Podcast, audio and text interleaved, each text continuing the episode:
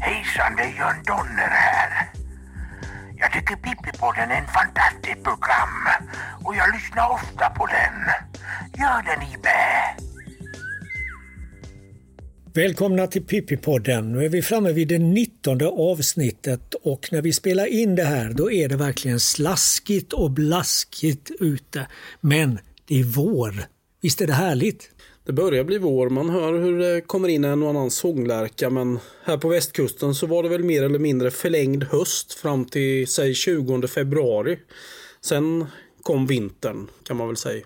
Ja, den vintern hade vi kunnat klara oss utan tycker jag.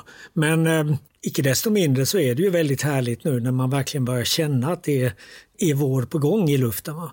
Och du har ju till och med haft en sjungande svarthättehanne i trädgården så här i början av mars. Ja, fastän han sitter inte och sjunger fullt ut om jag uttrycker det på det viset utan han sitter och småpratar för sig själv. Men det känns ändå som att han gör det för att hålla andra fåglar borta.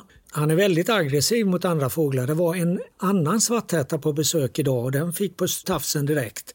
Och även rödhaka och talgoxe och gråsiskor och pilfinkar får stryk av den här svarthättan. Det är bara grönfinkarna som man inte riktigt vågar mopsa upp sig mot. Ja, det blir spännande att se om han stannar kvar i din trädgård. Ja, igår när vi körde hem på E6 så flög det fyra tranor över ett fält vid Getinge och det är roligt att återuppleva år efter år. Jag hörde faktiskt tranor en dag men det var en av de här riktigt, riktigt kalla dagarna och jag kan tänka mig att det var ett par tranor som var på väg söderut. Jag lyckades aldrig hitta dem, de var högt upp i skyn någonstans. Men eh, de ropade hela tiden i alla fall och de, de flög nog snarare söderut än norrut när det var en 7-8 minusgrader och bitande nordostvind. Säkert. Häromveckan såg jag någon film från eh, Frankrike, Belgien någonstans där det var tranor på väg norrut. Så mm. vi har mycket att vänta oss. Det lär stå stora mängder tranor nere, så nära som nere i Tyskland och bara vänta på att få flyga upp hit. Sen så har det ju kommit en hel del andra vårfåglar. Eh, strandskator finns lite här och var på stränderna, större strandpipar också, tofsvipor. Det har kommit in starar och det är ju mycket mer ringduvor nu än vad det har varit tidigare i vinter. Det har varit mycket ringduvor överhuvudtaget i Sydsverige i vinter men, men nu är det ju nu har det fått, kommit en ordentlig påfyllning söderifrån. Och mycket mer eh, gäss och sångsvanar med har jag märkt senaste tiden. Och det där med gässen är rätt kul alltså för att eh, många utav grågässen som vi ser här i södra Sverige, de är inte så stationära här som vi tror. Försök med radiosändare har visat att de rör sig ganska långt. De kan flyga långt ner på kontinenten och sen komma tillbaka hit upp mitt under vintern. Och varför de gör så det kan vi ju bara gissa oss till. Ja, de är väl ute för att leta mat antagligen. Kan ja, eller se sig om lite grann. Träffa nya bekanta. För att det är kul. Inte. Ja, och kul. Det är kul att skåda fågel. Ja, och du var ute på en liten anktur i lördags den 10 eh, mars och hittade något roligt, eller? Ja, jag hade väntat in en dag med lugnt hav och eh, bra sikt. Och det har vi inte haft så väldigt mycket av den varan de senaste veckorna. Eh, och anledningen var egentligen i första hand att jag ville räkna igenom de stora mängderna änder som ligger i södra delen av Laholmsbukten. Men det fanns ett skäl till och det var att jag var lite grann besatt av att hitta en knölsvärta. Och det där var väl du också inne på? Ja, jag ringde och pratade med dig dagen före där för du hade ju planer om att åka ut och då skulle jag ju eventuellt följa med. Men så ringde jag dig lite sent på morgonen där och frågade om du var på väg ut och då hade du kommit en bit in i kanske stan i Halmstad. Och då sa jag väl någonting i stil med att ring mig om du hittar en knölsvärta. Och det sa du att det skulle du göra. Och varför pratar vi då om knölsvärta? Jo, denna sibiriska släkting till vår svärta har synts så nära som 10 mil västerut vid norra Själland i vinter. Det har legat en sån här knölsvärta. Och den är bara påträffad ett par gånger i Sverige. Den eh, sibiriska rasen är sedd två gånger och den amerikanska rasen är sedd en gång. Så det är ju riktigt ornitologiskt högvilt om man kan säga så. Och jag stod där nere vid Skummeslövstrand i det fina vädret med solsken och ganska stilla hav och eh, njöt av svärtorna och försökte räkna och plötsligt så var det någon svärta där ute som såg så arg ut. Så då gällde det ju att skärpa blicken och visst, det var ju en knullsvärta. Och jag måste säga, det låter kanske lite nördigt men jag blev jätteglad. Det kan jag verkligen förstå. Var det Nike-loggan och de väldiga noshornen uppe på näbben som du reagerade på först? Eller vad, vad ja, det, du hände? kallar för Nike-loggan det kan man ju också kalla som någon kraftig vit eyeliner på en svart fågel. Alltså det är ett vitt streck som går från under ögat och bakåt, uppåt och eh, ungefär som en riktigt markerad eyeliner. Och det här ger den här fågeln ett lite argt eh, ansiktsuttryck. Och att den sen dessutom har en liten knöl på näbben det gör ju att den ser ännu hårdare ut. En riktig boxarnäsa kan man nästan säga. Ja, den är lite tillknycklad sådär som boxare näsor ofta blir. Dock inte tillplattad utan det är snarare att han har fått en liten knöl på den. Och eh, hur det var så när jag väl fick syn på den här fågeln så var det där första intrycket att ja, där är den. Men sen blev man ju alltid lite osäker. Såg jag verkligen rätt? Så det gällde ju liksom att dra upp förstoringen på tubkikaren så mycket som möjligt och sen spana ordentligt. Och visst, det var ju en sån.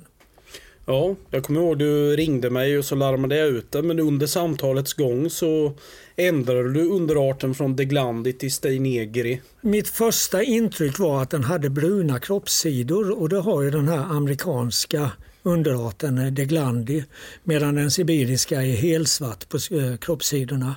Och eh, det var nog ljuset som spelade med ett spratt allra först. För att sen när jag såg den lite bättre så såg jag att den var helsvart och jag såg också profilen på huvudet som också skiljer sig en del mellan de här båda. Och det var ju jätteskoj. Sen är det alltid lika fascinerande att se när ett larm går så här, hur snabbt fågelskådare är på plats. Det dröjde minsann inte många minuter. Först var det några lokala skådare, men sen kom skåningar. De hade flugit över Hallandsåsen tror jag för att komma dit. Mer eller mindre. Det blir nästan lite så här folkfest, lite mingel mer eller mindre. Man går runt och träffar folk som man inte hade träffat annars bara för att det dykt upp en ovanlig fågelart. Varför är det så populärt bland svärtor och sjöorrar att ligga och rasta nere i Laholmsbukten? Ja, de, det är ju inte bara det att de rastar där utan de tillbringar ju i princip hela vintern eller hela vinterhalvåret. Ibland så dyker det upp eh, flockar redan i augusti-september och de ligger ofta kvar till april-maj månad. Och Anledningen till att de är just i Laholmsbukten det är att i stort sett hela bukten har sandbotten. Och det, det, sen är den ganska grund. Eh, där de här svärtorna ligger där är djupet mellan 5 och 10 meter och även när man kommer mer än en landmil ut i havet så är det inte mer än 20 meter djupt och det klarar de här händerna av att dyka ner till. Och i sedimenten, i de här sandsedimenten så är det enormt mycket småmusslor. Framförallt sådana här hjärtmusslor, alltså det som ser ut som en skällogga ungefär och som vi i dagligt tal kanske kallar snäckskal när vi hittar dem på marken. Det lär kunna vara så att det finns tätheter på upp till 2000 sådana här små hjärtmusslor per kvadratmeter. Det har man hittat när man gjort eh, bottenhuggningar. Och eh, det är ju det som lockar till sig de här svärtorna och sjöorrarna och även förmodligen den stora flock med bergänder som har legat i bukten de senaste vintrarna.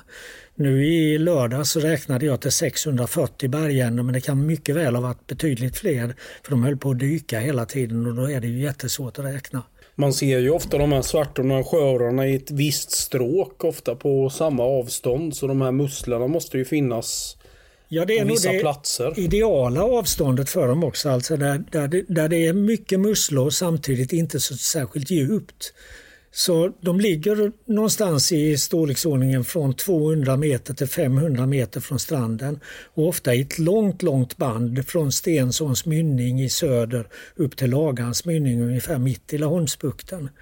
Och de ligger där det är någonstans mellan 5 och 10 meter djupt. Så eh, det finns säkert musslor längre ut också men eh, det kräver kanske lite mer av fåglarna för att dyka ner då så att de håller väl sig där det är som lättast att få tag i maten. Och sen framåt april-maj då är det väl många av de här sjöorrarna och svärtorna som bara flyger in rakt över land. från Laholmsbukten. Det kommer ju en ordentlig påspädning av framförallt sjöorrar norrifrån. Sjöorrar som har varit ute i Nordsjön. De flyger längs med Hallandskusten söderut på våren och så lägger de sig långt ut i Laholmsbukten och sen drar de in över land på nätterna. Ja, de låter ju nästan som eh, gammaldags morsesignaler uppifrån sjön. Jag tror det var Erik Rosenberg som hade den liknelsen. Det piper och piper och piper uppifrån skyn och det är rätt härligt att höra.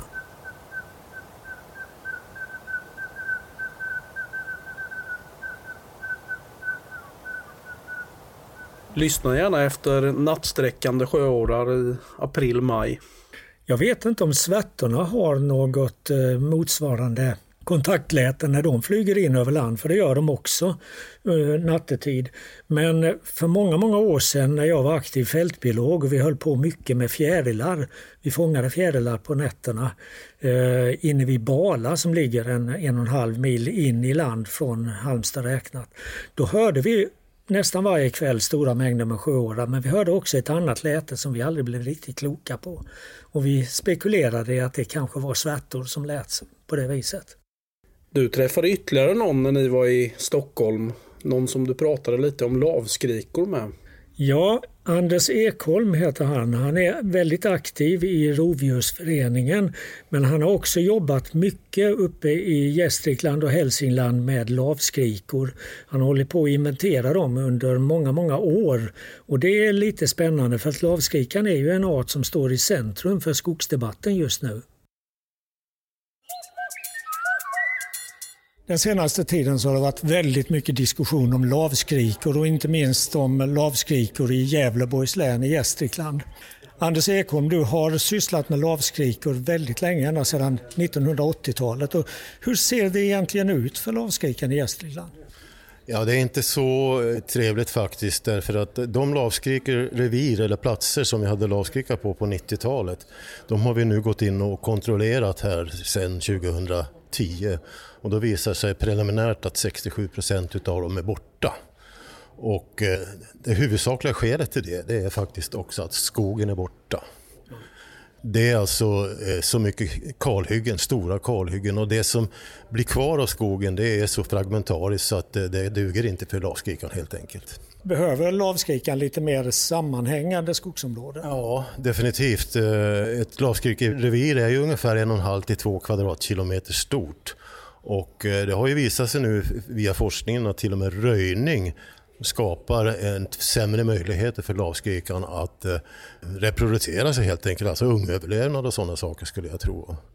Så även kvaliteten på skogen betyder alltså en hel del? Absolut är det så. Absolut är det så. Tittar vi på de platser eh, där vi har lavskrika så ser vi huvudsakligen här i i, i vårt område att det är granskog och det ska vara ganska så tät. Och de har ju alltså ett särskilt boområde som de utnyttjar som är ganska litet. Och det ska vara definitivt tätt för de vill gömma bona och så vidare. Men i övrigt så, så ska det vara ganska tätt för att de flyger ju ganska dåligt. De bara glider ju mellan grenarna och så vidare. Och enligt forskarna så säger de att eh, gör man en röjning så öppnar man skogen och då har duvhöken en chans att, att plocka dem. Men granskog, eh, funkar de bra i planterade granskogar som bara blivit tillräckligt gamla alltså? Den erfarenheten har inte vi. Det har inte vi. Men vi har ju sett att eh, till exempel boreviren de finns ju i ungtät granbestånd och det är ju en gång hugget där så att eh, definitivt häckningsområdet ska vara tätt med, med gran. Men det är inte det som är det stora problemet tror jag utan det är ju den totala skogen inom den här 1,5 till 2 kvadratkilometerna som måste vara bra för lavskrikan. För de hamstrar ju sin föda på hösten och så ska de övervintra med det. Och dessutom så ska de föda upp ungarna i stor utsträckning med den hamstrade födan. Och det är där jag tror att när man röjer så kommer också alltså födan att kanske försämras så att man inte får upp så mycket föda, hamstrad föda som man kan föda upp ungarna på dem sen. Möjligen. Du som har sysslat med lavskrikan så här länge, hur känner du det nu när lavskrikan liksom nästan har blivit en, en negativ symbol för skogsbruket och naturvården?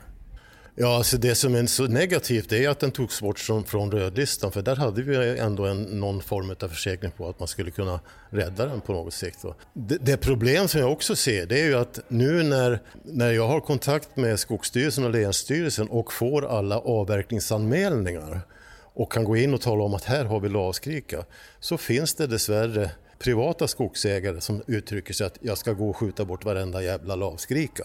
Det tycker jag är tråkigt. Men jag, samtidigt tycker jag att man kan inte hantera lavskrikan på det sätt man har gjort i Arbro, där det är privata skogsägare, på det sätt som man har gjort att man helt enkelt förhindrar det. Då måste man gå in med ekonomi, tycker jag.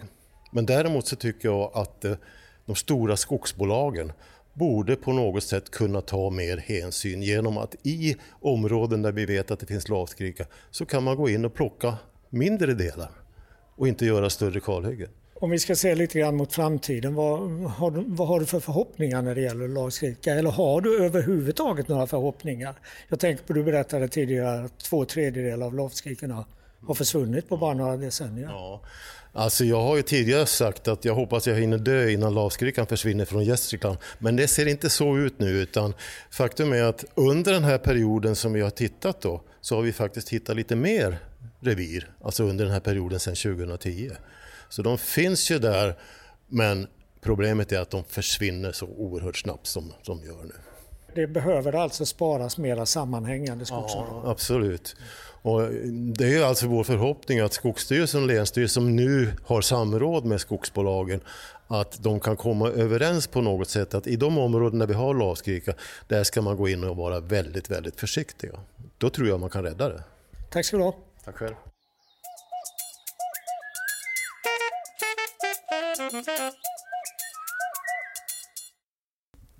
Det där med fågelskydd det är inte alltid så lätt. Vi brukar ju ha en liten forskningsglimt i våra pipipoddar och så ska det bli nu också. Och om en art plötsligt börjar minska i antal så gäller det ju först och främst att försöka ta reda på varför den minskar. Gäller det flyttande fåglar så kan ju flaskhalsen antingen finnas i häckningsområdet, på vinterkvarteren eller någonstans däremellan längs flyttvägarna. Sen är det ju inte alltid säkert att den population man bekymrar sig över är homogen, att alla individerna i den här populationen beter sig på samma sätt alltså. Och ett exempel på detta det publicerades nyligen i tidskriften Proceedings of the National Academy of Sciences i USA. Och det handlar om en liten amerikansk så kallad skogssångare som kallas Golden Winged Warbler over there, guldvingad skogssångare på svenska.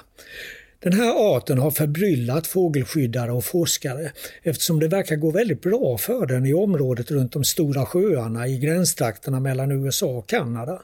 Däremot så har den minskat väldigt kraftigt i antal i Appalacherna, alltså den bergskedja som löper söderut längs östra USA. Och när man började leta efter orsakerna till de här skillnaderna så var det ganska naturligt att man först tittade på förhållandena i häckningsområdena men man hittade faktiskt inga uppenbara skäl till att det gick bra i norr men dåligt i söder. Tvärtom så hade inte naturen förändrats i nämnvärd grad utan miljöerna såg ut att passa denna sångare fint även i Appalacherna. Det var först när man fångade in ett antal sådana här guldvingade skogssångare och satte ljusloggar på dem som man började komma förklaringen på spåren. Det visade sig nämligen att populationen i gränstrakterna mellan USA och Kanada flyttade till Centralamerika. Och jag tror att många svenska skådare har sett den här arten i Costa Rica. Populationen i Appalacherna däremot den hade ett helt annat vinterområde beläget huvudsakligen i Venezuela. Och medan skogsmiljöerna i Centralamerika förblivit förhållandevis opåverkade så hade motsvarande skogar i Venezuela utsatts för kraftig degradering och i många fall helt ersatts av plantager av olika slag. Nu har vi väl inget uppenbart exempel av det här slaget i Sverige, men ser vi till Sveriges talrikaste fågel, alltså lövsångaren, så förekommer ju den hos oss i två olika underarter med vitt skilda vinterkvarter. Den nordliga som har invandrat österifrån övervintrar i sydöstra Afrika medan den sydliga som kommit söderifrån övervintrar i Västafrika. Och skulle det av någon anledning börja gå dåligt för någon av de här underarterna så ska vi kanske i första hand titta i Afrika och inte i de svenska miljöerna.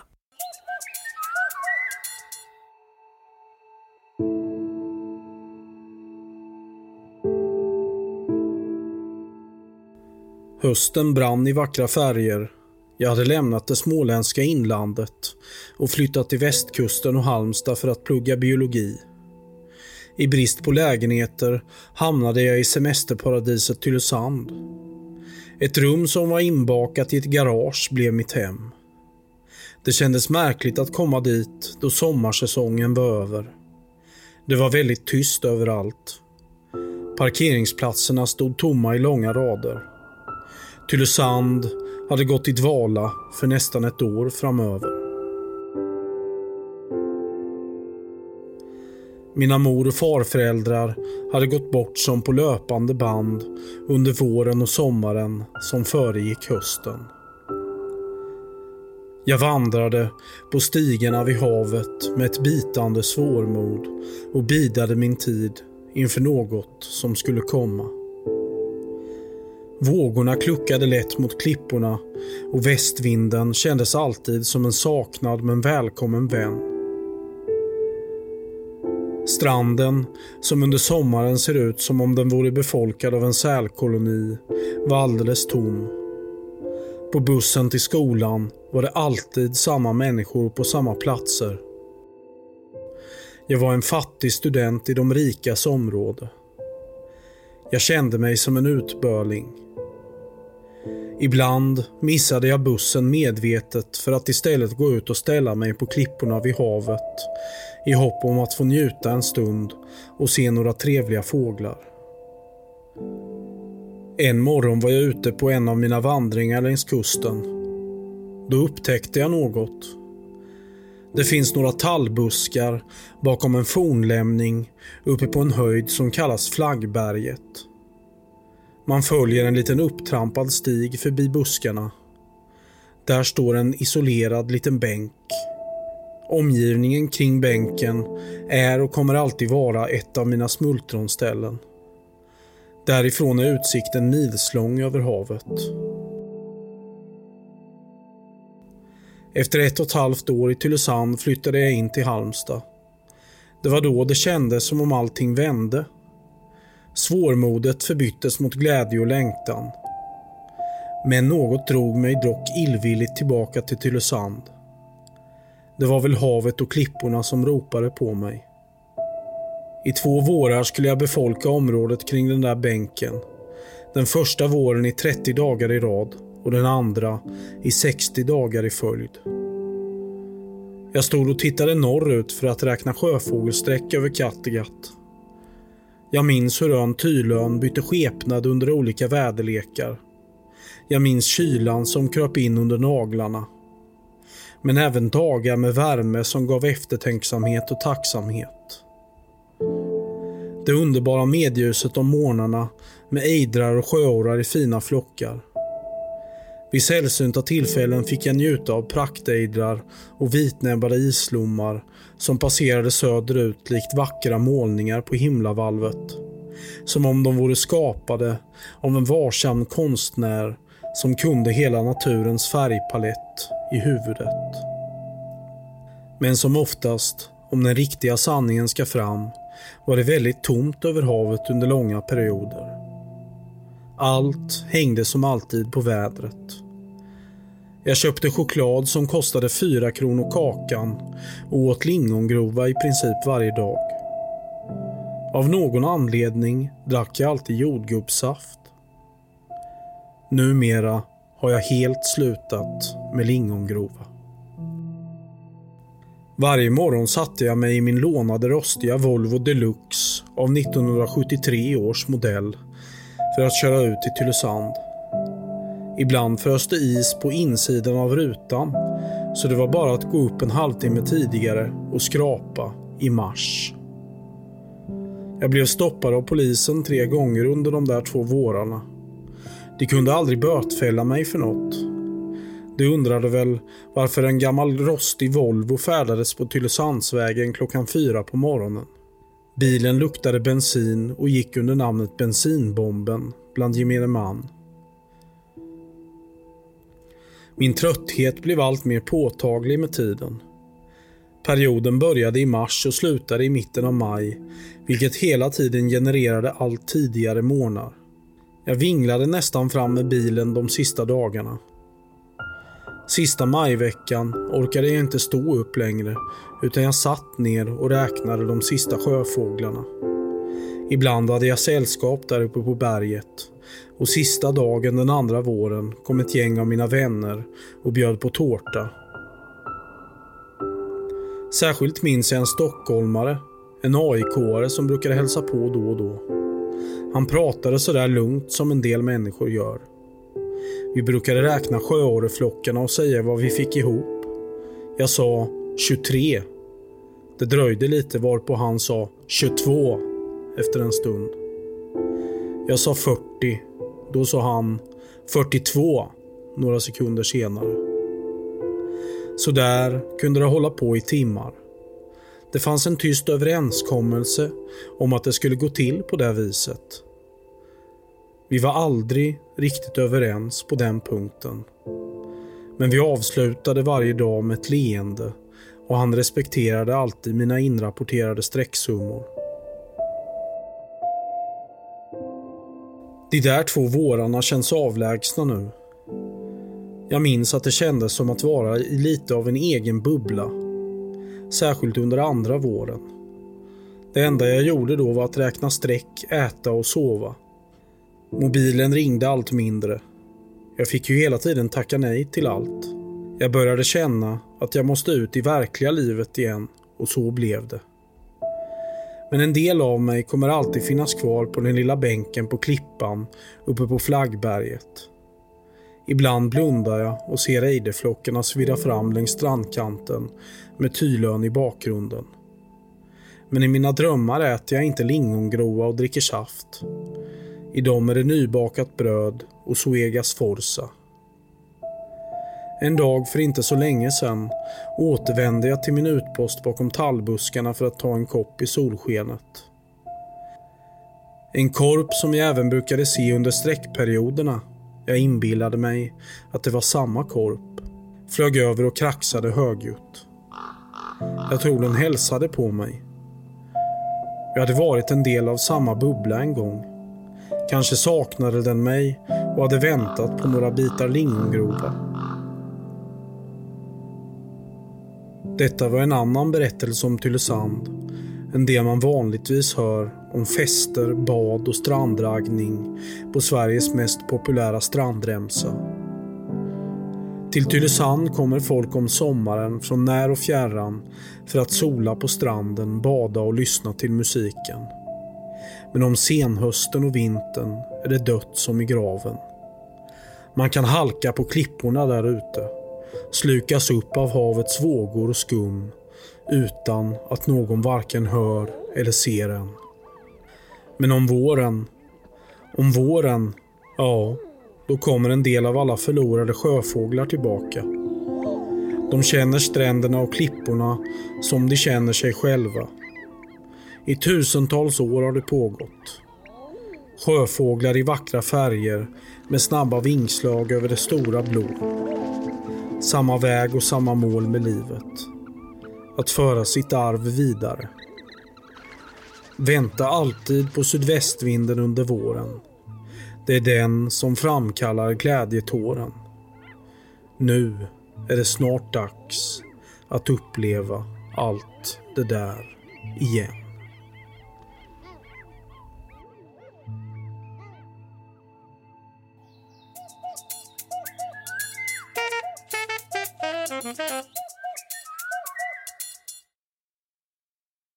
Ja, tidigare i den här upplagan av Pippi-podden så hörde vi Anders Ekholm berätta om studien av lavskrika i Gävleborgs län.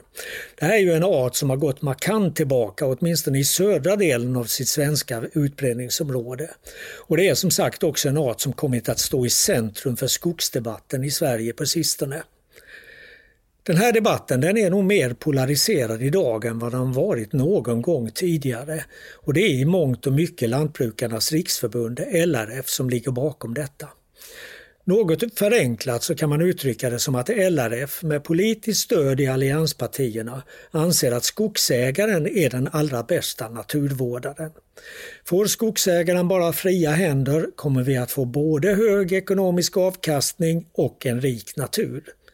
Om inte markägaren får fria händer ska hen ersättas ekonomiskt för det intrång som ett reservat eller ett skydd av något slag innebär. Och Det här det är ekvationer som inte riktigt går ihop.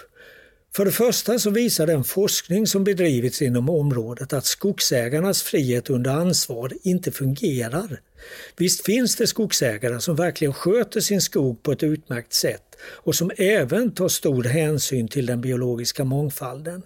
Men det finns många fler exempel på det motsatta, vilket inte alls är så konstigt eftersom en allt större andel av de svenska skogsägarna bor långt bort från sin skog och kanske aldrig ens sätter foten i den. Det är bara en investering. Och för det andra så har en undersökning som Naturskyddsföreningen gjort visat att samtliga allianspartier kraftigt vill sänka anslagen till naturvård. Det handlar om bantningar mellan 20 och 40 procent jämfört med idag. Och då ska man veta att naturvården istället anser att anslagen måste öka markant om vi ska leva upp till våra internationella åtaganden och till de riksdagsbeslut som fattats tidigare. Vi ska ju faktiskt hejda förlusterna av biologisk mångfald senast år 2020.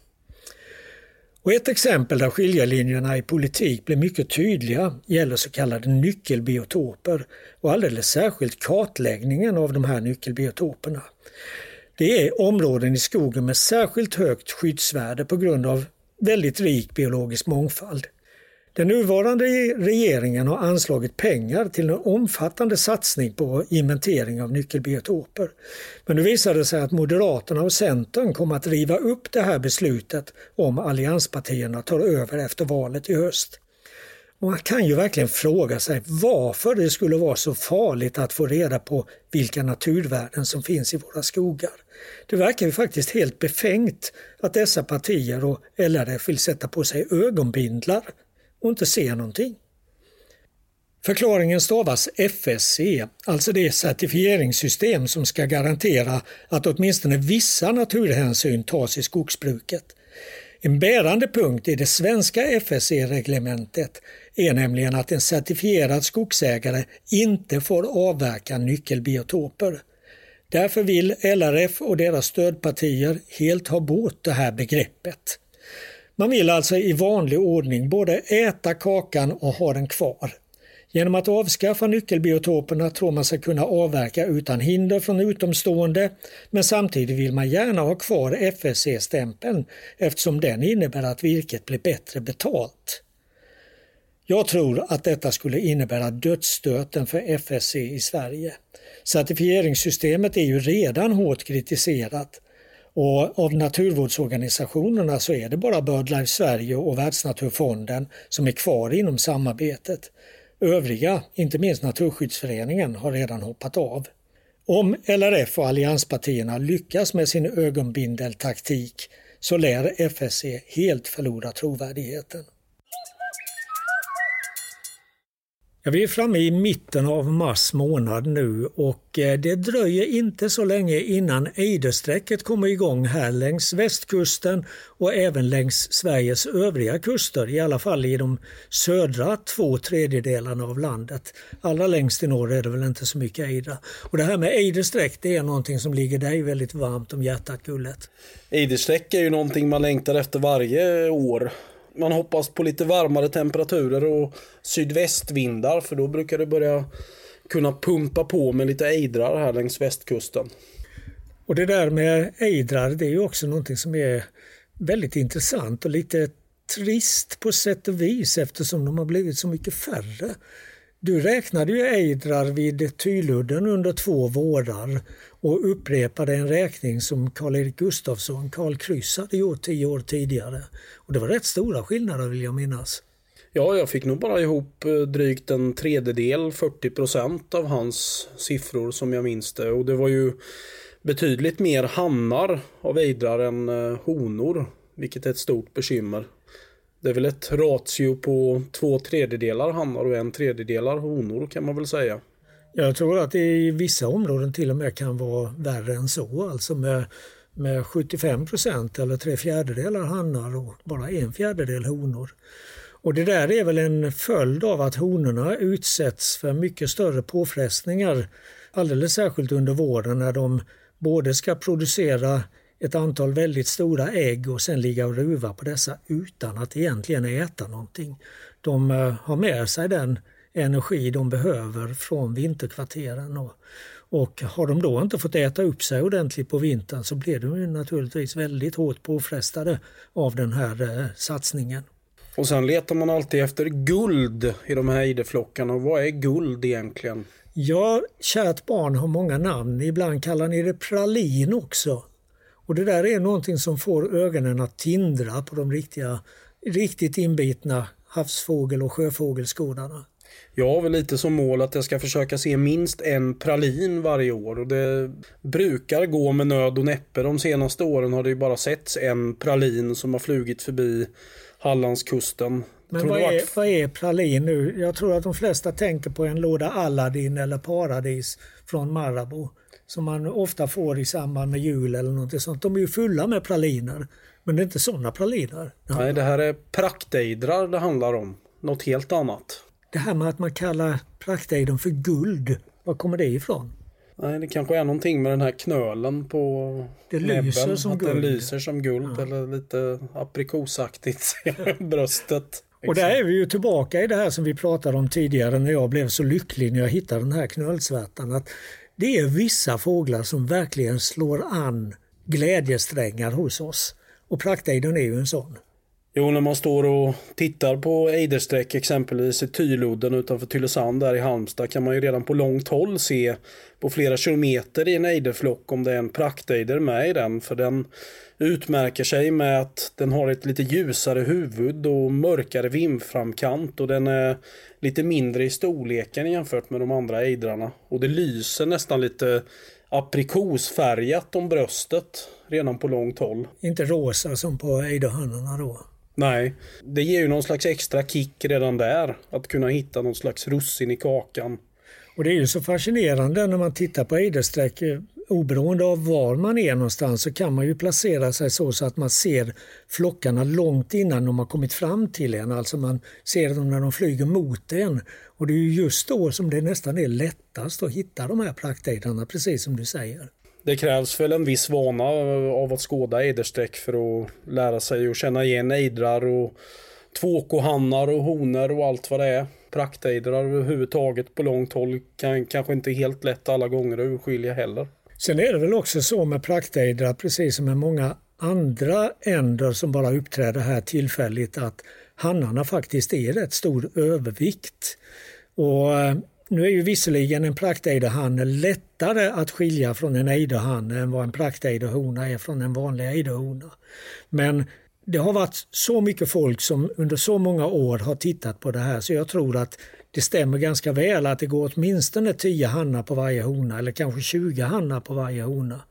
Och det där har väl att göra med att eh, de eh, delvis har olika flyttningsmönster. Hannarna lämnar häckningsplatserna mycket tidigare än honorna och sen är det också så att honor hos andfåglar är mycket mer ortstrogna än hannarna. Och eh, de återvänder till samma plats år efter år och har sina eh, ganska strikta flyttningsmönster. Hannarna verkar dra omkring lite mer och har lättare att lockas med av andra fåglar. Åtminstone är det mitt intryck i alla fall. Sen är det ju en spännande grej på västkusten här längs Hallandskusten att ejdrarna flyger söderut på våren. Varför gör de så Anders? Ja, nej men det sätter ju verkligen myror i huvudet på folk. Va? Men det är ju så att Sjöfåglar ogärna flyger över land, precis som landfåglar väldigt ogärna flyger över vatten. De vill ha sitt eget element under sig. Om, om de nu råkar ut för någon, någonting dåligt väder eller någonting annat så vill de kunna landa. Det är i alla fall vad jag tror. Och i det sammanhanget så är det bättre att flyga en omväg än att utsätta sig för risker. Fast just med ejdrarna så är det lite spännande för att de, de kommer ju uppifrån området runt Skagen i Danmark och så flyger de söderut längs med Hallandskusten. Och när de kommer till Laholmsbukten så är det precis som att de fångas upp i en tratt där eller en säck eller en hov eller vad vi ska kalla det för. Och så ligger de där och snurrar runt och flyger högre och högre upp och det verkar som att när de når en viss höjd Då plötsligt då släpper alla hämningar, då bara drar de iväg in över land. Och i ejdarnas fall så flyger de i regel mot sydost, alltså den närmaste vägen till öppet vatten i Östersjön, i Hanöbukten. Det är ungefär 10 mil dit. Och jag vet inte hur pass högt man behöver komma för att se vattenblänket i fjärran, men några hundra meter upp räcker kanske. Jag vet inte. Och i södra Skåne så har man nu sedan förra året satsat på Eiderns dag. Och det är väl någonting du ska vara involverad i nere vid Kåseberga utanför Ystad? Jo, helgen efter påsk så är det Eidens dag i Kåseberga, både lördagen och söndagen. Och då kommer vi att kombinera vad ska vi kalla det för, liveskådning. Att man filmar fåglarna som passerar förbi samtidigt som man kan se dem med blotta ögat. Vi håller till på en uteservering i vid ett av de fik som finns i Kåseberga hamn. Och så ute på udden utanför så står det en eh, flyhänt eh, tv-filmare och fångar in ejderflockarna. Så ser vi dem på stora skärmar inne på den här uteserveringen. Samtidigt så kan man då titta lite snett åt vänster och se fåglarna flyga förbi i, i verkligheten. Alltså. Och det är då den första hela helgen i april. Vi kan också säga helgen efter påsk, den 7-8 april alltså, som det är Eidens dag i år. Och när vi är vid den här tiden, vårvintern, så kan vi ju bara inte undgå att prata lite ugglor också. För det är ju en härlig tid när man åker ut och lyssnar på ugglor. Och alldeles särskilt när man får höra några ugglor. Dessa mytomspunna varelser. Jo, vi var ute i skogen eh, faktiskt i lördags efter att vi tittat på den här knölsvärtan på kvällen eh, och lyssnade efter sparvuggla. Men vi fick faktiskt bara höra en gran som gnisslade. Den lät både som trana och korp och sparvuggla.